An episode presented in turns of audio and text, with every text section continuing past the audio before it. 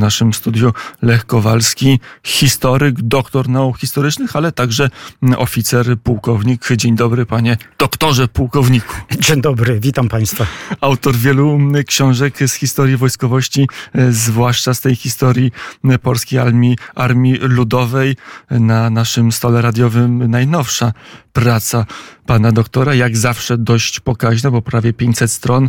Bracia Moskale, a Układ Warszawski.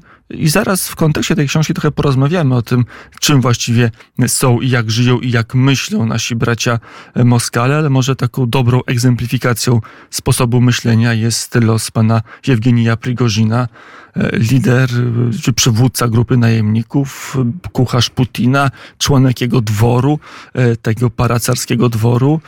No, od dwóch dni zdaje się Denat, od wczoraj Denat zestrzelony samolotem. Co, to, co świadczy ta historia o, i o samej Moskwie, ale też o Rosjanach, o dworze Putina, o ich mentalności?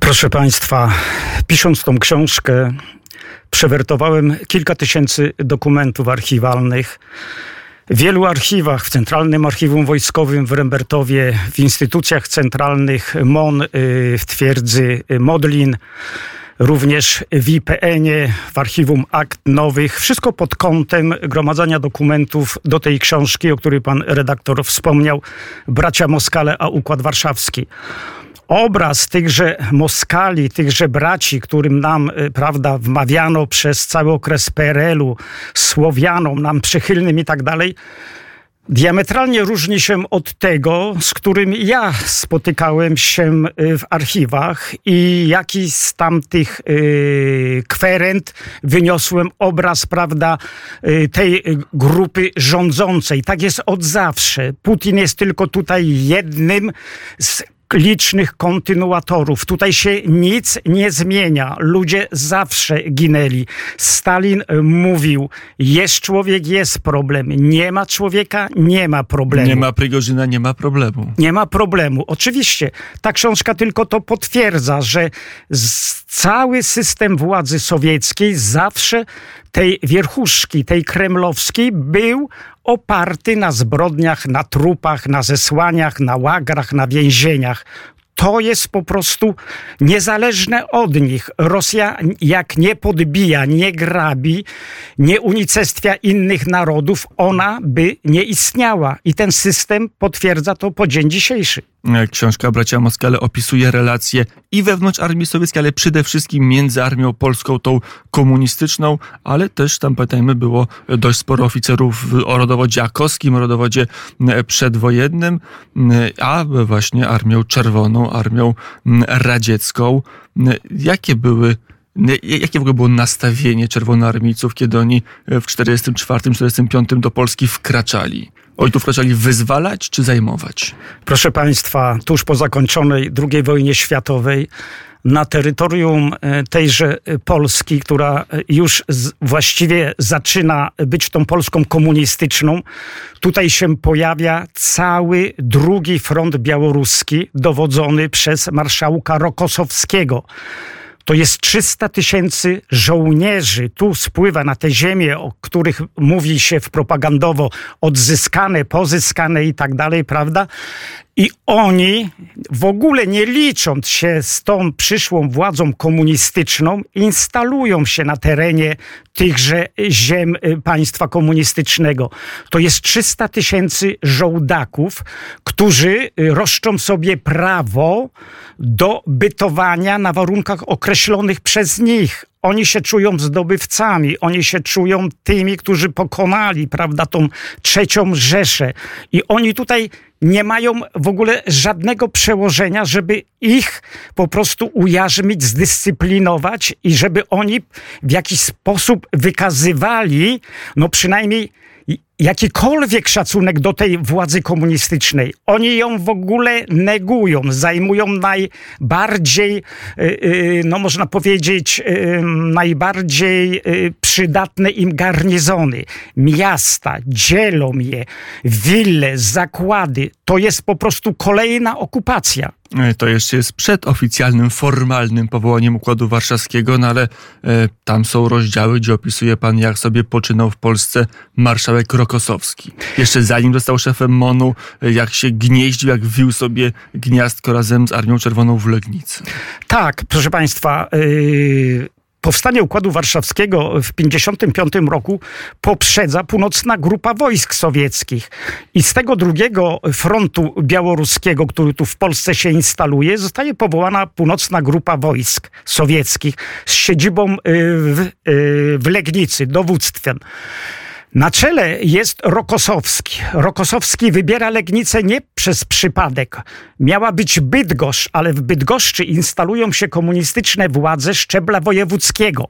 On wiedział, że to już będzie inny szczebel, prawda, wykonawczy w terenie i może mu ciążyć, więc wybrał sobie miasto powiatowe, bardzo wygodne, leżące na doskonałym, e, e, doskonałych połączeniach kolejowych, transportowych, prawda. Legnica nawet była po wojnie, no, kandydowała na stolicę Dolnego Śląska. Ale I, Rokosowski zadbał, żeby tak ro, się ta, nie stało. Rokosowski zadbał, żeby to było miasto powiatowe, jego miasto, prawda. On je podzielił, wydzielił. To był cały system kapitalnych koszar Wehrmachtu. Piękne ulice, piękne wille, pałacyki, Y, y, porozrzucane po całym obszarze, myśliwskie. Rokosowski nigdy w życiu na takim poziomie nie funkcjonował jak w Legnicy. Było to panisko, no można powiedzieć, o nim mówiono y, książę Legnicki, różne mu tam przypisywano, prawda, przydomki. On, A jak książę się zachowywał? Książę jak się, udzielny książę? Jak udzielny książę. Książę y, miał swoją stadninę. Książę miał swoje pałace, miał miał swoje kobiety, miał yy, jako y, pomocę y, i służbę y, Niemki, prawda? Pościągał, no oczywiście zagrabione wszystko, co można było wygrabić i zagrabić, prawda, z, z, z okresu III Rzeszy, z terenów Niemiec. Miał piękną stadninę rasowych, pięknych koni niemieckich, w tym również polskich koni, piękne klasery, albumy światowymi y, kolekcjami znaczków. On po prostu poczuł się panem na włościach. I tak e, zostało przez całą historię e, PRL. Oczywiście z nieco mniejszą ostentacją i nieco e, mniejszym wymiarze niż księstwo legnickie marszałka Rokosowskiego, Konstantego Rokosowskiego. Zastanawiam się, jak ta obecność braci Moskali tutaj w Polsce kształtowała nasze wojsko. No, powiedzmy wojsko ludowe, no ale jednak wojsko polskie. To wojsko ludowe, które powstało z rozkazu Stalina na polecenie Stalina, tak naprawdę to w tej masie żołnierskiej, w tej na poziomie szeregowy, starszy szeregowy, prawda, podoficerskiej, to było wojsko, które w niczym nie nawiązywało do tradycji drugiej armii, do, do tradycji y, wojska drugiej RP. To było wojsko od początku wynarodowiane, y, wojsko, y, które negowało polskie tradycje, polski patriotyzm. To było wojsko, które w żaden sposób nie nawiązywało do tradycji walk Armii Krajowej, NSZ-u, prawda, i całego płakowskiego podziemia. To było wojsko, które pacyfikowało to podziemie. Bardzo mało miało cokolwiek wspólnego z Polską. Ono było e, coraz bardziej rusyfikowane. No, można powiedzieć tak, że e, pod pewnymi względami cały system jego dowodzenia, indoktrynacji to był typowo sowiecki. Rokosowski bardzo zadbał o to, żeby na wszystkich kierowniczych stanowiskach, w tymże Ludowym Wojsku Polskim, nie było oficerów. Tam śladowo występowali bardzo krótko oficerowie drugiej RP, ale to tylko... Lata 40. i kawałek lat 50. I tak, tyle. ale to tylko na zasadzie tego, takiego kwiatka do kożucha, prawda? Y, Sowieci byli na wszystkich wszystkich najważniejszych stanowiskach. Przez cały okres, kiedy Rokosowski zostaje ministrem obrony narodowej, a jest to rok 49 do 56, no to mamy armię typowo sowiecką. W tym okresie zarządów Rokosowskiego, kiedy był w północnej grupie wojsk, a potem ministrem obrony narodowej, już zaczynają sobie Sowieci dobierać spośród tych młodych janczarów oficerskich ludowych przyszłą kadrę kierowniczą. Jaruzelski. Jaruzelski takim narybkiem jest Siwicki, Tuczapski. Całe kierownictwo, jakby pan, y, państwo spojrzeli później w skład Wojskowej Rady Ocalenia Narodowego, tej słynnej Wrony, no to właśnie jest ten narybek. To jest ten narybek, który Wtedy wyłowiony przyszedł, i tak, i- i- wyłowiony prze, przez nich, y, przetestowany. No proszę państwa, jeżeli Sowieci ich wybrali, ich namaszczyli, no to proszę zauważyć, jakie to były długoletnie kariery. Przecież w tymże wojsku Jaruzelski przetrwał 45 lat. Podobnie Kiszczak, prawda? Podobnie Siewicki, podobnie generał Tuczapski. Cała ta wierchuszka była nie do tknięcia.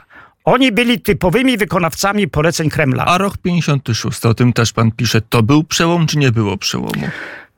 To była próba dokonania jakiegoś przełomu, prawda, w strukturach politycznych, ale to była próba, y, która zakończyła się połowicznym jakimś takim, y, no, trudno to nazwać sukcesem.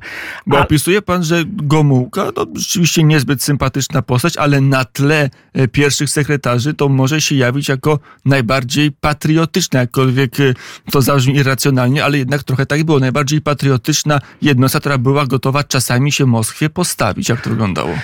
To tak wyglądało przed yy, Gomułką. Czuli respekt Sowieci. Gomułka miał w sobie coś takiego bardzo zapalczywego, co Sowieci odczytywali to w, w kategoriach takich nawet nacjonalistycznych.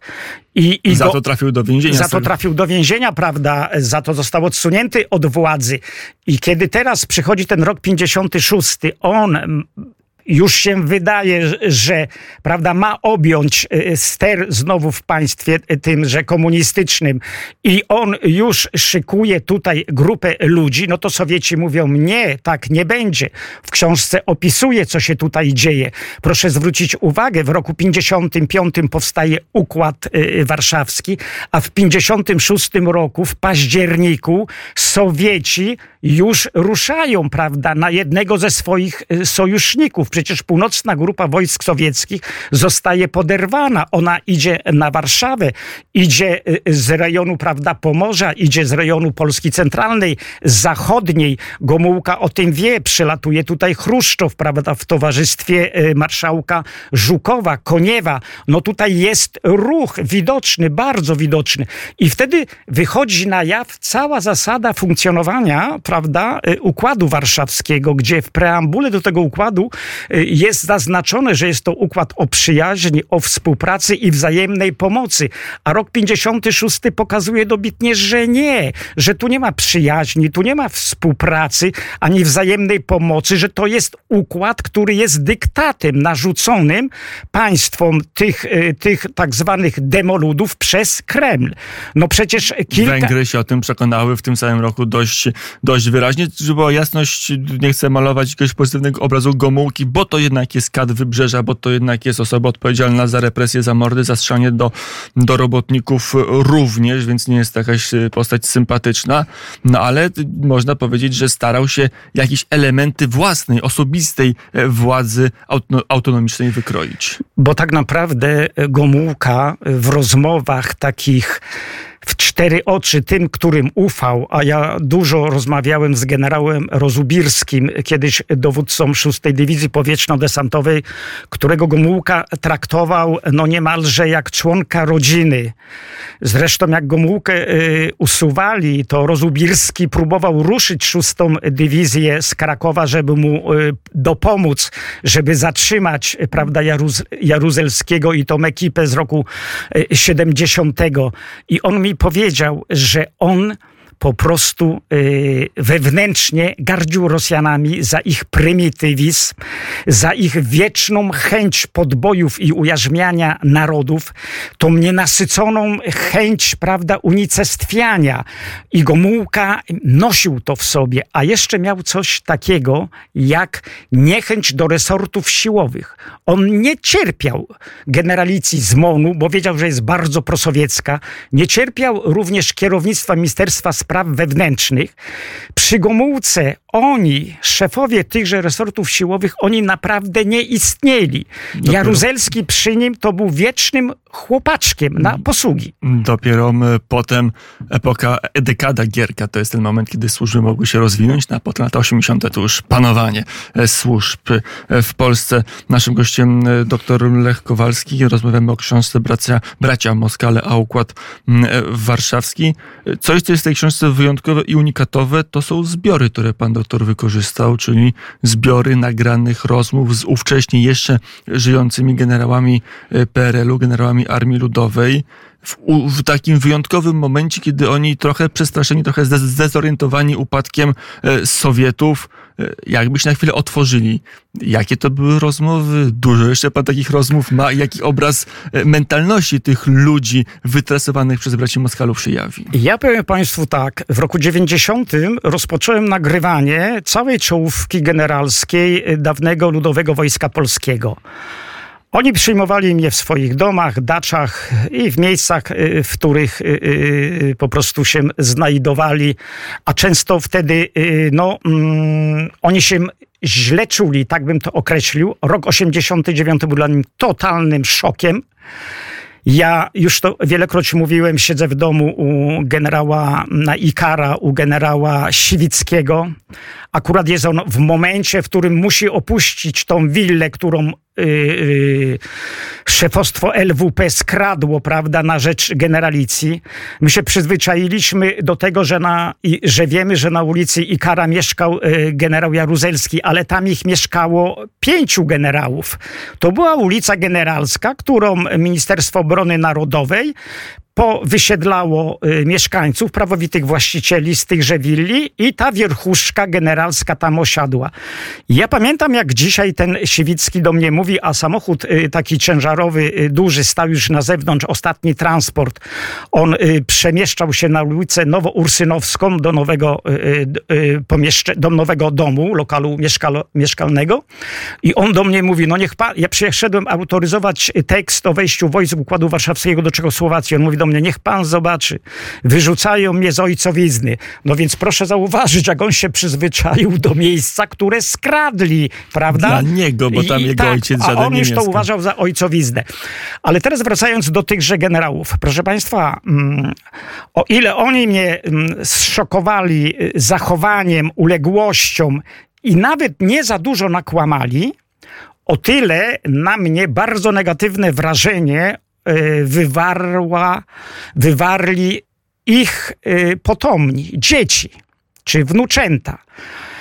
Zachowywali się agresywnie. Najczęściej było, po co pan tutaj przyszedł, co pan wypytuje tatę albo dziadka, co pana to obchodzi, co tata czy dziadek y, robił. To już było to pokolenie, które na skrzydłach i plecach tatusiów, generałów czy dziadków miało prawo bytu, studiować na najlepszych kierunkach, e, e, prawda, uczelni wyższych, e, byli już, prawda, na stypendiach zachodnich, znali języki, więc oni sobie zdawali sprawę, że jak tenże dziadek czy tatuś mi tutaj generalski opowiada za dużo, to może w ich karierach zaszkodzić.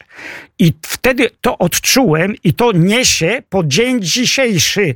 To są właśnie potomkowie tychże rodzin, bardzo groźni, wykształceni. O ile tamci generałowie najczęściej z wykształcenia ogólnego mieli siedem klas albo niepełne średnie, prawda? Przecież Kiszczak był tylko absolwentem szkoły podstawowej, prawda? Do końca życia. Nic więcej nie osiągnął w zakresie wykształcenia ogólnego. No to ta dzieciarnia już potem się przeobraziła w te elity, które dzisiaj są elitami mówimy tymi współczesnymi, kodowskimi. Na przykład, a więcej historii o tym, jak działali, jak sobie poczynali bracia Moskale w Polsce, ale też o tym, jak kształtowali nie tylko jak grabili, ale jak jakie spustoszenie w mózgach pozostawili, traktuje książka Bracia Moskale, a Układ Warszawski, której autor, doktor pułkownik Lech Kowalski był naszym gościem. Panie doktorze, dziękuję bardzo za rozmowę. Dziękuję bardzo.